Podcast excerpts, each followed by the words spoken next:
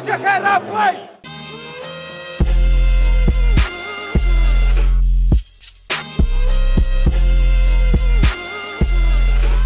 Jojo, lepo zdrav vsem, jaz sem Matej. V tem podkastu smo pa z Markom in Juretom spregovorili več o težavah Dallasa, tudi Miamija na začetku te sezone, njihovi igri, kolikšni meri so te težave povezane z okužbami igralcev, manjkajočimi igralci. Dallas in Miami pa sta ravno tisti moštvi, ki sta bili celo najbolj prizadeti, oziroma so okužbe najbolj vplivali na njihovo igro igro in uh, bosta na koncu sezone morda zaradi tega tudi um, oškodovani. Več o tem, zakaj v samem podkastu. Pred začetkom bi vas pa samo na hitro zaprosil, če lahko ta podcast všečkate na kateri koli platformi nas pač poslušate, YouTube, Spotify, SoundCloud, iTunes, če se lahko naročite, če tega še niste storili, in na YouTubu kliknete zraven še tisti zvonček, ki vas bo obvestil o novih vsebinah. In in eh, enako lahko seveda se naročite eh, tudi na naših eh, drugih platformah. Pred pogovorom z Juretom in Markom pa nekaj besed o zadnjih dveh tekmah Dallasa, pred katerima smo posneli ta daljši del podcasta. Sicer situacija se ni prav nič spremenila, oziroma ko govorimo o Dallasu in Miamiju, je situacija sedaj še slabša. Za obema moštvoma je niz porazov in ste si eh, nakopali toliko porazov, da si kakšnih dodatnih napak, spodrsljajev do konca sezone skoraj da ne morete privoščiti več, če želite izpolniti visoke cilje. Sedaj je že eh, več ali manj jasno, da bomo po koncu te sezone, čez nekaj let, ko bomo ocenjevali, eh, verjetno vedno označili to sezono kot COVID sezono sezono z asteriskom, eh, opombo zraven, ker eh, pogoji preprosto ne bodo enaki za vse ekipe. Eh, nekatere ekipe bodo zaradi COVID-a bolj oškodovane, nekatere manj. Dallas in Miami sta pa primera ekip, pri katerih pravzaprav težko ocenjujemo, v kakšni meri so njihove sedanje težave povezane z manjkajočimi igralci, konstantnimi menjavami peterkin igralcev in v kolikšni meri eh, so problemi globi in ekipe preprosto niso tako dobre, kot smo morda mislili pred začetkom sezone. Obe moštvi sta do sedaj odigrali 18 tekem, vendar recimo Miami je od 18 tekem 17 tekem odigral z različnimi prvimi peterkami, skoraj da vsako tekmo z drugo prvo peterko. Dallas pa ni dosti boljši tukaj, oziroma ni dosti bolj konstanten od 18 tekem 14 različnih prvih peterk. Pri Miamiju so Bema Debajo, Jimmy Butler in Goran Dragič, njihovi trije najboljši igralci, do sedaj eh, odigrali skupaj 28 minut. Na začetku sezone je bil Butler eh, poškodovan, sedaj, eh, dva, tri tedne nazaj, je pa staknil še COVID in bo potreboval še nekaj časa, da se vrne v formo. Goran je nekaj časa sedaj začenjal v prvi peterki, eh, njegove številke v prvi peterki eh, so boljše kot v njegovi eh, All-Star sezoni, vendar zadnji dve tekmi je Goran manjkal zaradi poškodbe, predtem nekaj tekem ni odigral zaradi tega, ker je bil v stiku z Jimmyjem in je moral zaradi tega nekaj tekem prebiti v karanteni. Podobno pa velja ne samo za Bema, temveč tudi za druge igralce v rotaciji. Težave Dallasa so pa znane. Nekaj tednov so igrali brez petih oziroma šestih od osmih najboljših igralcev. Po tisti eh, zmagi v Denverju eh, so bili trije igralci okuženi, potem je bil okužen še Kleber.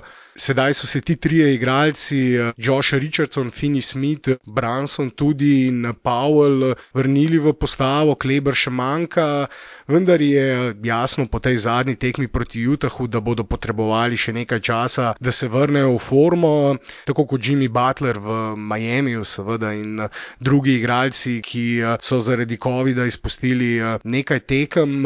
Jimmy Butler je recimo povedal, da je v enem tednu izgubil 6-7 kg imel je težji potek bolezni, ni uh, prebolel COVID brez simptomov. Uh, podobno naj bi bilo recimo pri Kleberju uh, v Dallasu, ki je kar nekaj časa potreboval, uh, da je ukreval in šele sedaj začel trenirati.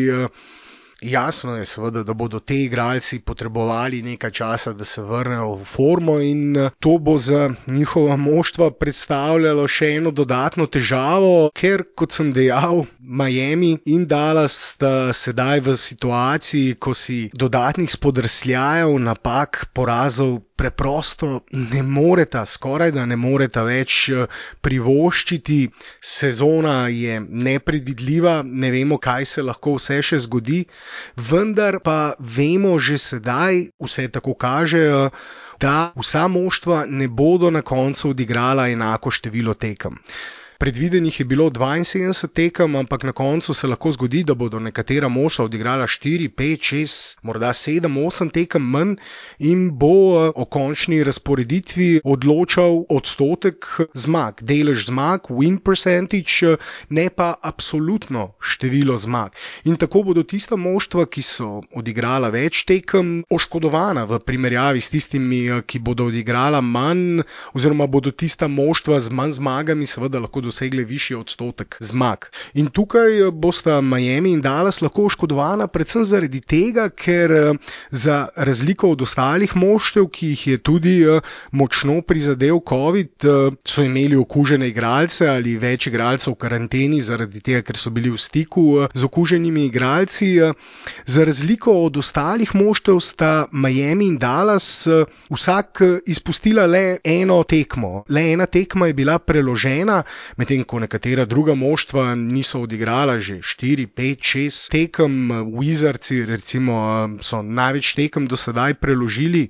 Dallas in Miami, pa kljub temu, da so manjkali številni ključni igralci, pomembni igralci, sta na vseh tekmah, na večini, z izjemo ene, imela tisti minimum osmih zdravih igralcev ali pa dovolj rukijev, two-way playerjev, teh igralcev, ki so povsem na koncu klopi, s katerimi so pač izpolnili ta pogoj osmih zdravih igralcev in odigrali precej tekem v zelo oslabljenih postavah.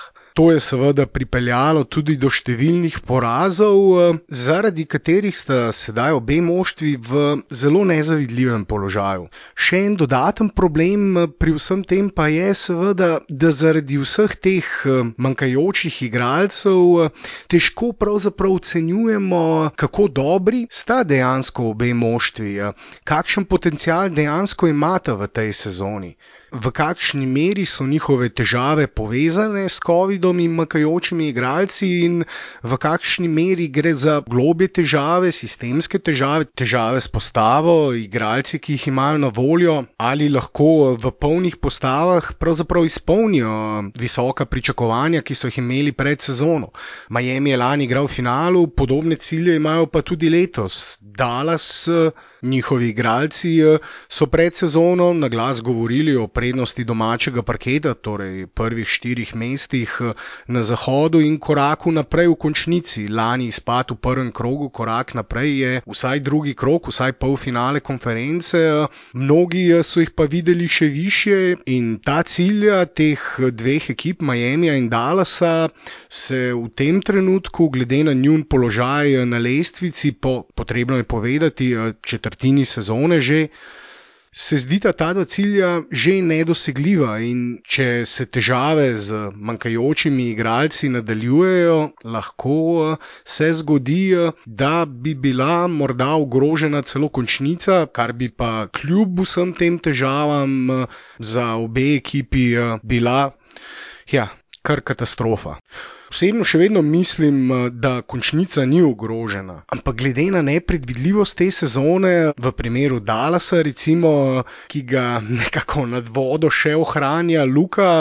Že kakšen lažji zvin gležnja in samo kakšnih deset dni odsotnosti, tri, štiri tekme, bi lahko na koncu že pomenile dejansko razliko med tem, da so v playoffu ali pa na koncu gledajo v hrbet osmim najboljšim ekipam. V tem drugem delu smo spregovorili tudi nekaj o tem play-in turnirju, ki je letos še en dodaten faktor, dodaten dejavnik. Sedmo mesto avtomatično še ne pomeni mesta v playoffu, ampak si je treba to potem še izboriti z dodatnimi tekmami. In v tej situaciji je vsaj ta play-in turnir resna možnost za obe moštvi.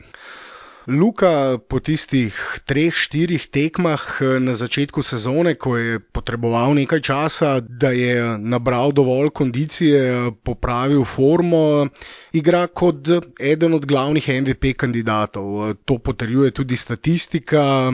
Predvsej zgovorna je pa statistika oziroma graf dodanih točk v napadu in ubranjenih eh, točk v obrambi, kjer je Luka, če gledamo samo njegovo moštvo. Ja, ne samo v svojem razredu, ampak kar eh, v svojem kvadrantu eh, tega grafa. V januarju je njegova statistika izjemna, na tekmo dosega trojni dvojček, blizu 30 točk.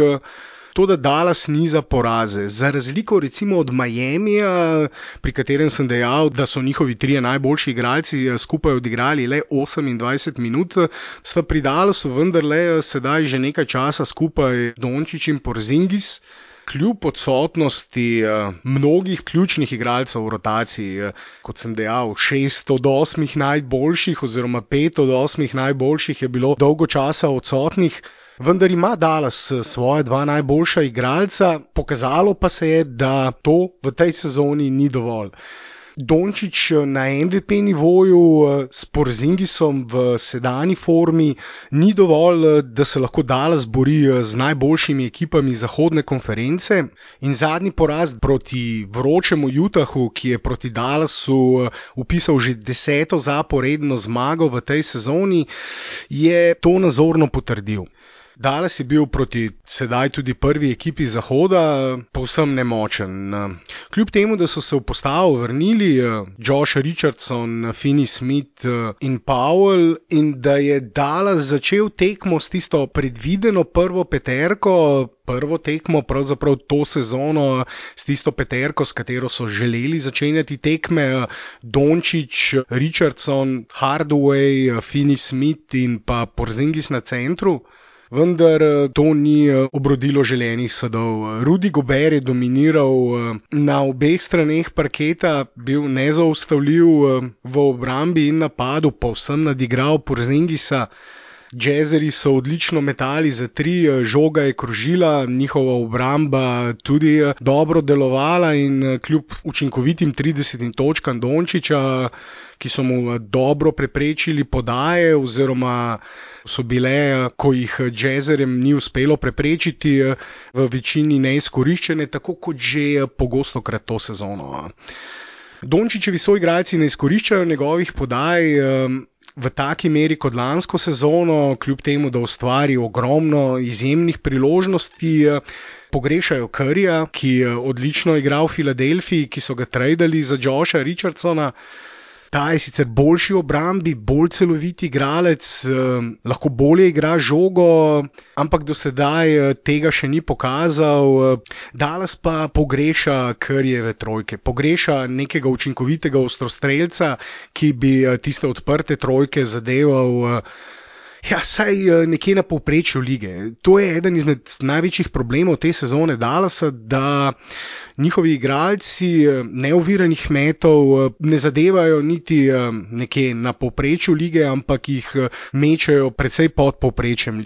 Morda je bil določen padec pričakovan, glede na to, da so Mavericks šli v to smer izboljšanja obrambe na račun tega, da so žrtvovali njihov zgodovinsko dober napad lansko sezono.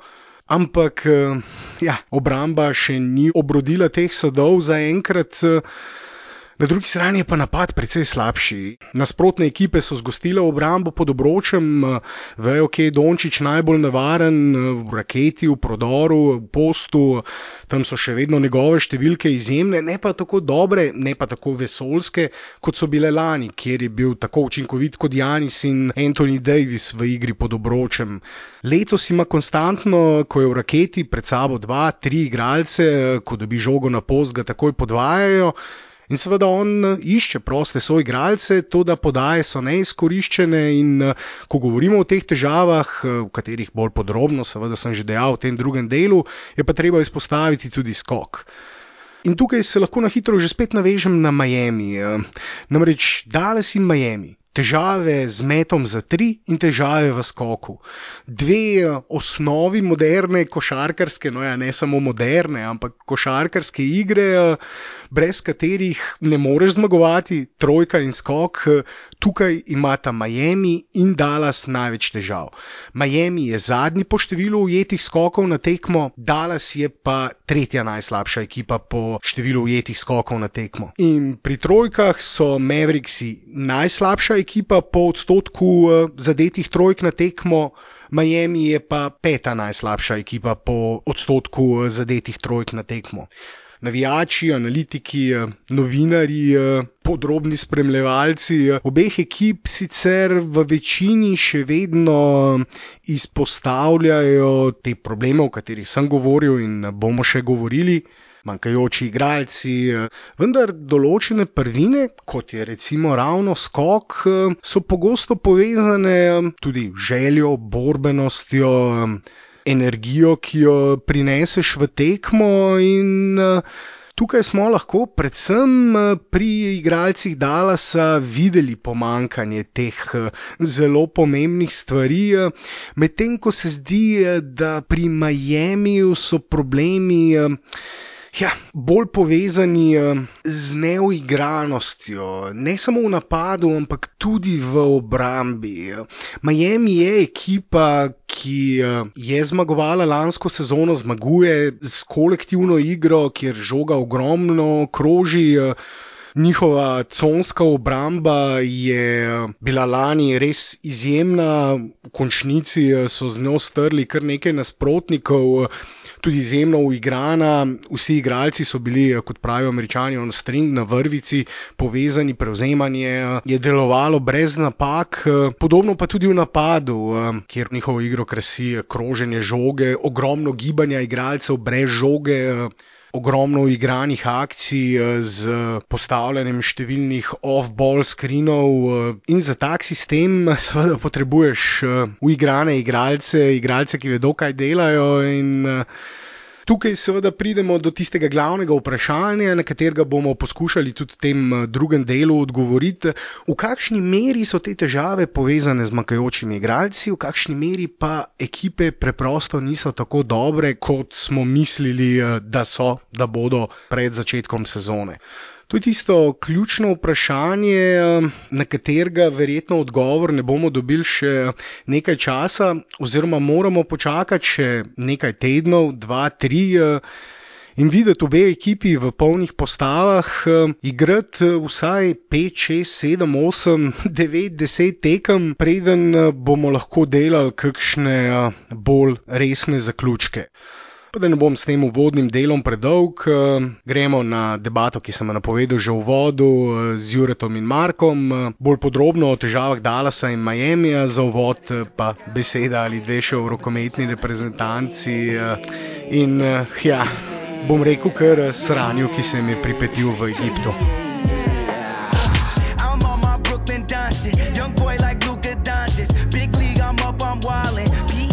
Jojo, eh, Marko, Jure, živijo, kako sta, lepo zdrav obema. Zdravo, Matej, super sem, pa ti, Jure. Jaz sem odlično. Potem smo um, vsi na isti valovni dolžini, uh, kljub porazu uh, slovenskih rokometašev v boju za četrt finale uh, proti Egipčanom, tekma za biti ali ne biti, potrebovali so zmago, na koncu sicer remi, ampak uh, remi, ki prinaša pot domov. Verjetno ste razočarani, podobno kot jaz. Vsi trije smo gledali tekmo, preden se lotimo naše današnje MBA topike, mogoče lahko kakšno rečemo še o rokometaših, sicer eh, z Blažen so planirali tudi mogoče kakšen daljši podcast, eh, če bi se prebili naprej, zagotovo, še posebej, če bi šlo za medalje, bi rabili kar eh, svoj podcast, ampak nažalost po tem razočarajočem porazu zgodnja pot domov in krajši komentar, da ne bomo preveč jamrali. Ja, če ne bi videl, ne bi verjel. To je moj komentar. Ja, res je. Mislim, pri tisti eh, prednosti za štiri gole in na, na način, na katerega so slovenski rokometaši kontrolirali tekmo do tistih nesrečnih dveh, treh minut, eh, ko so tri zaporedne gole na isti način dobili, eh, vse brez vratarja, vse pri igri z igralcem več in pri štirih golih prednosti. Če sem večkrat razočaran, glede na to, kako se je pol odvila tekma, ampak bili so borbeni fanti. Borbenosti jim ne gre očitati, to je res. Obstajajo tudi ti objektivni razlogi, tudi Dolenec je potekmi uh, govoril o tem, da je nenadoma uh, polovica fantov uh, imela težave z želodcem, vsi so bili vse čas na VC-ju, iz ene ali pa druge luknje je vse čas teklo. Če sem malo bolj nazoren in zagotovo se je to poznalo, to ni dvoma in tudi Dolenec je, tako kot drugi potekmi, omenil možnost nekaj neke sumljive igre strani Egipčanov. Mislim, res je sumljivo, tudi Slovenci niso prvi, ki so imeli take težave eh, pretekmo z Egipčani in je res čudno. Če to res je to nekaj, kar si ne more dovolj resna organizacija. Se mi zdi malo sumljivo, no, da je glih pred tekmo z Egiptom. Res je sumljivo. Če se to zgodi, recimo v dvorani San Antonija, da ugasnejo klimo in da primejo Lebrona Krči v finalu, ne, potem se lahko tudi v Egiptu zgodi kaj s hrano. Tako se meni zdi. Ja, ja, ja. To v San Antoniju ni nič v primerjavi ja, s tem, da dobiš food poisoning, ker ti eh, domačini pripravljajo hrano. To je pa res uh, kuhna. Ampak na koncu je vendarle treba reči, da so naši ob izjemnem Ferlinu, ki je bil res razbranjen od eh, prve minute naprej in branil vse uh, mogoče in nemogoče. Res škoda, da so potem, ko so kontrolirali uh, tekmo na tako poceni način, na tako lahek način zapravili uh, to prednost štirih golov. Uh, in na ta način razigrali Egipčane. Pravzaprav uh, smo jim sami uh, dali roko, uh, Egipčani so pa pograbili vse. Tako da na koncu vendarle neuspeh, jaz sem razočaran, verjetno smo vsi pričakovali malce več od slovenskih rokometašev na svetovnem prvenstvu. Jaz sem pričakoval, do polfinala bi znal prelezati, pa, pa vprašanje, kdo je nasprotnik. Ampak nisem pa pričakoval, da bi na tak način izpadal. Jaz sem pričakoval, da bodo imeli svojega kuharja, ne? temu ni bilo tako in zdaj vidimo rezultat ni kriv Vranješ, ni kriva nepazljivost eh, slovenskih igralcev, ne spametne napake v napadu. Eh, krivo je to, da niso v Egiptu vzeli sabo svojega kuharja. Ampak ni dvakrat za reči. Mislim, če greš kot turist eh, v Egipt, tam opozarjajo na to, da se ne smeš zanašati na prehrano, tudi v hotelih ali kaj takega, zna biti sumljivo. Pa glede na to, da so tudi druge reprezentance imele podobne težave, mogoče malo naivno, da niso naši že pomislili na kakšno tako umazanijo, možnost kakšne take umazanije strani egipčanov. Škoda, to, da čaka jih še boj za olimpijske igre. Upamo, da se prebijajo na olimpijske igre, olimpijske kvalifikacije, čakajo tako eh, rokometaše kot košarkarje. Eh, in bi bilo res super, če bi eh, nas slovenski rokometaši in košarkarji naslednje poletje razveselili na olimpijskih igrah in da bi lahko o tem posneli podkaste, tako kot smo snemali takrat, ko so na Eurobasketu šli do zlata. A gremo zdaj na MBA tekmo, ali bi še kaj dodala, da ne bomo preveč jamrali o rokometu, uh, a gremo kar na MBA? Ja, ja, gremo kar na košarko. Jaz sem za. Ja, pa še malo o tem pojamramo. Dobro, ni glih za jamrati, ampak da se pa kaj pokomentirati. Je nekaj za jamrati, predvsem tisto, kar smo že govorili, težave s COVID-om in težave, ki jih imata ravno obe moštvi uh, slovenskih zvezdnikov, Dončiča in Dragiča, Dallas in Miami, imata največ težav, dejansko sedaj na začetku sezone, ne samo z okužbami v ekipi in manjkajočimi igralci uh, zaradi okužb ali morebitne izpostavitve okužbi, ampak tudi s poškodbami imajo nekaj težav, uh, tudi zaradi tega manjkajo ključni igralci pomembni igralci ali pa celo najboljši igralci v primeru uh, Miamija. In uh, tudi zaradi tega precej nihajo v igri. Ampak začnimo s tole tekmo proti Houstonu. Ker, če že omenjam COVID, eh, če smo že omenjali recimo, objektivne razloge, zakaj kakšne ekipe odigrajo slabše, Je pa vendarle, tako kot eh, pri slovenskih rokometaših, eh, treba tudi eh, pri tekmi Dallasa proti Houstonu povedati, da so sami zapravili tekmo oziroma pošteno izgubili in niso bile te težave s COVID-om faktor. Res je, tu je bil faktor, ne bomo se zgovarjali zdaj na utrujenost, ker utrujeni so bili tudi v Houstonu. Niso se sicer igrali back to back, torej dveh tekem, dveh večerjih kot Dallas ampak vseeno, ko si gledal tekmo ali pa tisto tekmo proti San Antoniju, to sta bile dve različni ekipi na parketu. Sploh nisem prepoznal uh, Willy Colistana. Človek je imel tri skoke v 18 minutah, ampak skoraj cel polčas je rabo, da je en skok pobral. Vmes pa mu je Kazins z ne vem koliko poškodbami pobral toliko skokov, da enostavno ni bilo tiste želje, ki smo jo videli v drugih tekmah. Upam, da je to bila samo ena tašna izjema in da ne bo to pravilo pri vsakem back-to-backu. Mislim, da je res ta problem pri Dallasu, da je bil Willy neprepoznaven na celotni tekmi. Pač za nekoga, ki smatraš kot nek rim protektor, nekoga, ki bo poberal dejansko skoke, razen Luke, ki se trudi dobiti svoj triple-double. Res jim manjka tista globina pod košem, da bi mogoče se zoprstavili taki ekipi, kot je Houston, ki kazni spobere relativno veliko skokov na tekmi. Ne? Bugi Kazen si je imel v prvih dveh minutah štiri skoke v napadu in dominiral praktično od prve do zadnje minute. V manj kot 30 minutah je dal 28 točk, 17 skokov, še 5 podaj, 60% met iz igre, 50% met za 3. Bugi je zgledal kot Bugi v najboljših letih. Zdaj, Video sta nekako nakazala na Vilija Kolija Stajna kot tisti problem, eh, Marko, ti si rekel, neprepoznaven, da je bil. Za me, iskreno povedano, je kar prepoznaven. Mislim, Willy Kolistan je tisto, kar je bil Willy Kolistan predtem že dolga leta v Sacramento Kingsih in uh, potem tudi pri lanskih tankajočih Warriorsih je igralec, ki zna odigrati na vsake 3, 4, 5 tekem, dobro tekmo, recimo proti Denverju, se je proti Okiču zelo dobro izkazal. Ampak je igralec tudi, eh, ki ni dovolj konstanten, ki je izjemno slab finisher ob obroču. Res ne morem verjeti, koliko žog zapravi po žogah, ki mu jih Luka na pladnju servira za tip in dank. Samo dvigen se more na obroč, pa žogo pospraviti eh, v koš.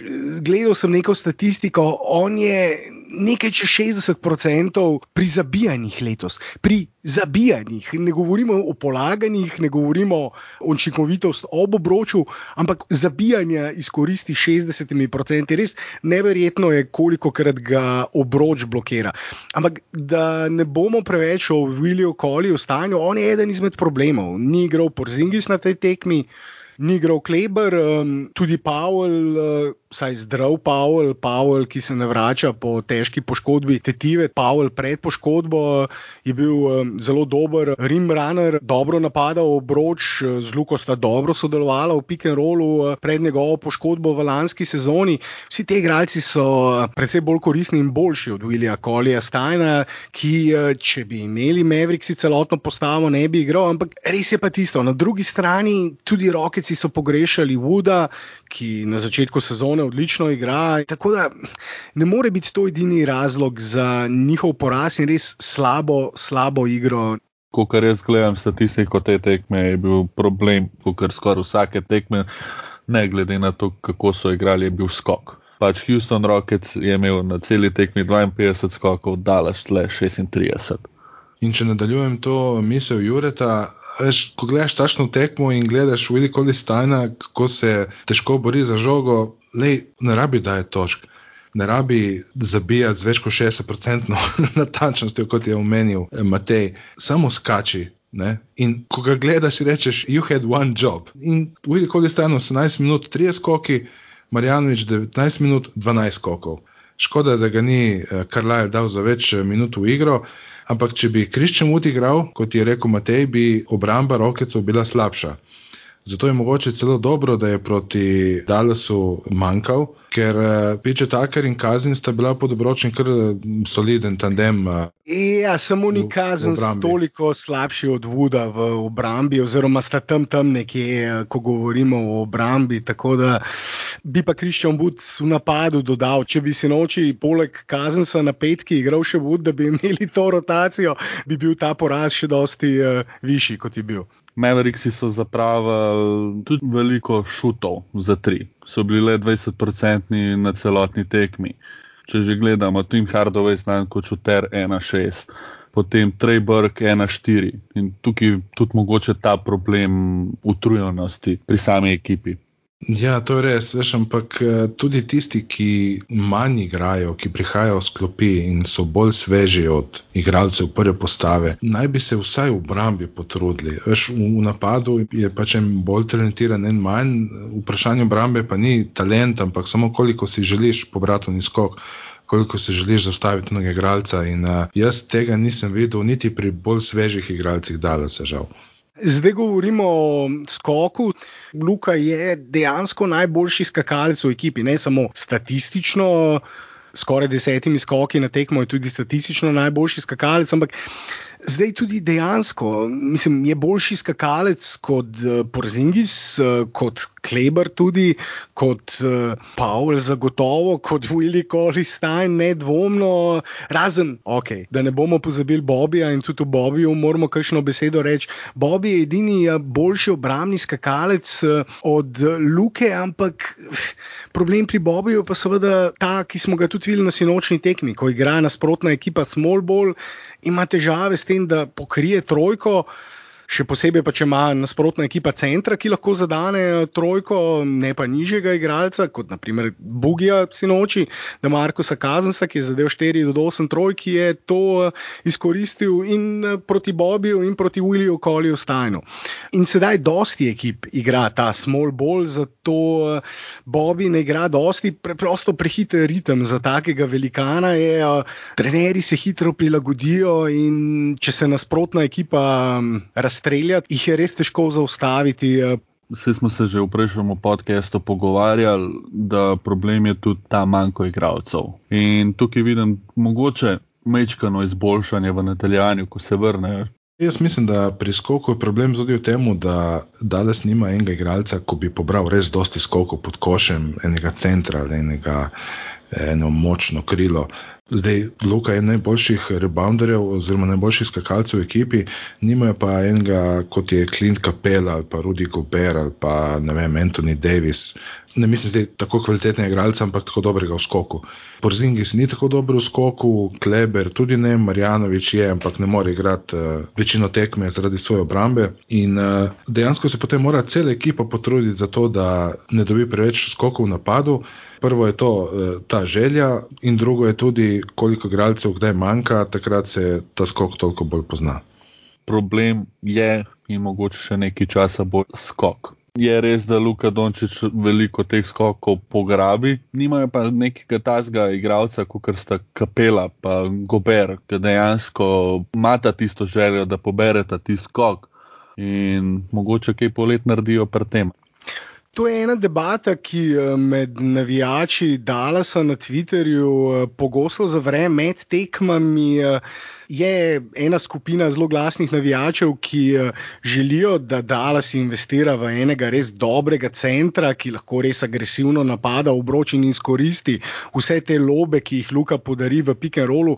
Pozornost, ki jo on navleče na sebe, ki jo dobi v pick and rollu, je tako velika, da praktično v vsaki akciji ali dobi eh, soigralec eh, priložnost za skoraj da neuvirano zabijanje ali pa dobi svoj igralec posem odprt, neoviran med za tri. In uh, manjka sedaj ta vertical spacing center, ki bi lahko agresivno in konstantno napadal obroč, in tudi on na ta način nas je eh, privlekel, zahteval nekaj obrambne pozornosti. In, uh, bi s tem tudi Luka lahko prihajal do lažjih metov. Obrambe ga namreč sedaj pokrivajo, tako kot da ima danes samo enega resnega igralca. Predvsem eh, na tekmah proti Torontu in Indijani eh, je bilo to izjemno očitno, box and one eh, proti Torontu, celo triangle in tu vse mogoče oblike podvajanja, trapping, blitzing, vse torej samo da spravijo žogo iz njegovih rok, tudi za ceno tega, da so igrali igralci dobivajo povsem odprte, neovirane mete ob obroču ali pa iz razdalje. In uh, Toronto se je to obrestovalo, potem je isto taktiko probala tudi Indijana. Tam so pa soigralci vendarle odigrali bolje, ampak se lahko navežem na tisto, kar sem rekel tudi pri Williju Colliju Steinu. Enkrat na tri, enkrat na štiri, enkrat na pet tekem ima dobro tekmo in te igralci, ki zdaj igrajo velike minute, so vsi. Uh, pač z razlogom bench igralci, z razlogom igralci, ki so 8, 9, 10, 11, 12 v rotaciji dobrih klubov, konkurenčnih klubov. Tako da je res težko po eni strani delati neke ocene, po drugi strani eh, pa lahko rečemo, da je napad Dallasa letos, kljub eh, tem objektivnim razlogom eh, in manjkajočim igralcem, vendarle slabši, kot je bil lansko sezono. Obrambe so se malce bolj prilagodile na Dončiča, trenerji, scouting, vsi vejo, odkot preži in kaj je največja nevarnost Dallasa in so igralci eh, Luke še ne igrajo na tem nivoju konstantno. Definitivno je problem to, da jim manjkajo konstantni in konsistentni streljci. Po statistiki Luka Dončić eh, ustvari svojim soigralcem veliko wide open šacov, pri katerih je njihov obrambni igralec dva metra stran, ali pa ga pač ni, ravno zaradi teh podvajanj, ki jih dobiva na raznih tekmah. Ne. To je res, eh, po drugi strani pa vemo, da se je Dallas pred začetkom sezone zavestno odločil, da bo večji podarek dal na obrambi, obkrožil Lukota z malenko slabšimi streljci. Po prvih par tekmah, eh, ko je bil Pavel v prvi postavi, celo dali Willy Collie Steina na centra skupaj s Kleberjem, ki sicer dobro strelja za tri, nima pa nekega volumna. Hardware se je selil iz klopi v prvo postavo, nazaj na klop, zdaj spet v prvi postavi. In tudi lani so bili dosti bolj konstantni, imeli so neko identiteto, torej cela ekipa, kemija je bila boljše razvita, eh, dosti bolj konstantni so bili v smislu streljcev in Curry in Hardware. Zdaj, če odmislimo ta COVID, te odsotnosti, je tako, da tudi en igralec kot je Josh Richardson, ki je dejansko role player, torej stranski igralec, mora priti v neke rite, mora dobiti neko kemijo, ki jo je, mislim, da malenko zgubil v Filadelfiji, ko prihaja v sklopi in bil eden redkih streljcev v tisti ekipi. V Miamiju se je odlično počutil, se je razvil, dobil tisto zelo dobro pogodbo in pričakovali smo tašnega igralca v Dallasu. To se še ni zgodilo, in jaz mislim, da bo počasi, mogoče do konca sezone, prišel na ta nivo, Edino, kar si želim pri Dallasu, je, da vidim komplet postavo, da igrajo svojemu potencialu primerno. To smo zelo malo krat videli v lanski in predlanski sezoni, mogoče so kakšen mesec igrali, tako da so bili vsi zdravi in da je vse štimalo. Upam, da ko končajo s temi zdravstvenimi protokoli in tudi ko se vsi dobijo in ko se uigrajo, da bomo šele takrat videli, če so vsega sposobni. In takrat mislim, da ko daš par tekem skozi v isti postavi in najdeš neko svojo vlogo, šele takrat bomo videli, kako dobri so. Zdaj žal tega ne vidimo in ne vem, koliko časa bo trajalo, da bomo to videli. Upam, da čim prej. Luka v tem mesecu igra odlično, je nazaj v tisti MVP formi, eh, ki smo jo od njega pričakovali že od samega začetka, ampak o teh razlogih eh, za tisti malce slabši začetek smo že dosti govorili. Ampak eh, v januarju na 11 tekmah igra odlično, 28 točk, več kot 11 skokov, skoraj 11 podaj, 46,3 odstotni met iz igre in 32,2 odstotni odstoten eh, za tri, eh, prosti meti malce šepajo, ampak eh, ob tem še skoraj ena ukradena žoga in ena blokada na tekmo. Igra dobro v napadu in obrambi, met lahko še popravi, tukaj ima še rezervo, predvsem pri prostih metih, ampak ob naporih in ekipi, ki jo nosi na svojem hrbtu in videl sem en dober mim po nekaj tekmah Dalasa v zadnjem času človeka, ki v enem od tistih strongman competitionov, tekmovanj, tistih najmočnejših, nosi celega konja na hrbtu in uh, samo tako napisan na tem človekom, Luka nad konjem, pa Mavriksi. Luka dejansko, kot Martin Krpan, uh, nosil Mavrikse na mnogih tekmah. Te igralci, ki so zdaj, niso dovolj konstantni, konsistentni, rabijo nazaj vse te igralce. To je jasno. Ta začetek in tako nakopičene ekipe v zahodu zahodni konferenci. Uh, ja. Boj ne samo za najvišja mesta, prednost domačega parketa v končnici, ampak za samo končnico bo izjemno nepredvidljiv. Matej, ko govoriš o končnici, ne pozabimo, da letos velja enako pravilo kot prej v Bablu, to je lansko sezono v Irlandu. Tudi če si sedmi, še nisi avtomatsko v playoffu. Tukaj moramo zelo paziti, uh, oziroma Dallas in ostale ekipe morajo paziti, da so više od sedmega mesta, kajti sedmo mesto eh, so ekipe lahko že žučne, da bojo mogoče na tistem play-in turnamentu izgubile dvakrat zapored proti kakšni ekipi, ki je bila deveta, pa deseta, pa imela mogoče nesrečo s poškodbami med sezono in pol, ko so se vsi sestavili ravno za konec sezone, je toliko močnejša. Tukaj verjetno lahko pričakujemo kakšno presenečenje kot je Portlandu v Bablu Ratal, čeprav Portland je zelo dobra ekipa, ni za podcenjevati. Je pa res, da zna biti to problem za kakšno ekipo, ker celo sezono se matra, da obdrži tisto sedmo mesto, na koncu pa izpade proti deseto vrščeni zelo nepredvidljiv zna biti ta playing format. Res je in dosti, ne samo Portland, dosti dobrih ekip je nekje na kupu, se vedno rečemo, divji zahod, zahodna konferenca je res izjemno močna, kljub temu, da v zadnjih letih in še posebej zdaj tudi eh, selitvijo Hardna na vzhod, je vzhod v zadnjih letih močnejši, vedno močnejši, ampak zahod je še vedno morilski. In ko gledaš uh, razpored to lestvico in urnik Dalasa v naslednjih tednih, se samo primeš za glavo in lahko upaš na tisto, kar smo že rekli, da čim prej nazaj dobijo igralce in da se ti igralci čim prej zopet uigrajo, ujamejo rit ritem, ujamejo formo, kondicijo, konec koncev. Naslednjih tednih Maverick se čakajo. Dvakrat zaporedoma Jazz, dvakrat zaporedoma Sansi, potem uh, Lukov rival iz uh, Atlante, Trey, potem Warriors, dvakrat, uh, potem še enkrat Hawks. Mislim, niti trenutka za predih, niti trenutka za oddih, Ja, res je, s tem, da v Utahu drugo tekmo igrajo 30. januarja, en dan kasneje pa že v Phoenixu in potem še dva dni kasneje spet v Phoenixu. Tekme so nagnetene, vse je enako za vse ekipe, ampak tisti, ki imajo eh, najbolj zdrave igralce, tudi če so mogoče na papirju slabše od kakšnih drugih, bojo najbolj profitirali. Imajo tekmo proti Atlanti v Atlanti in takoj naslednji dan doma proti Golden Stateu, potem pa čez dva dni spet Golden State doma. Back to back, tako je. Ne samo, da je razpored tako težak, čakajo jih zopet tudi te back to back tekme. Zdaj so odigrali pet tekem v sedmih dneh. Dva back to backa so imeli ta teden.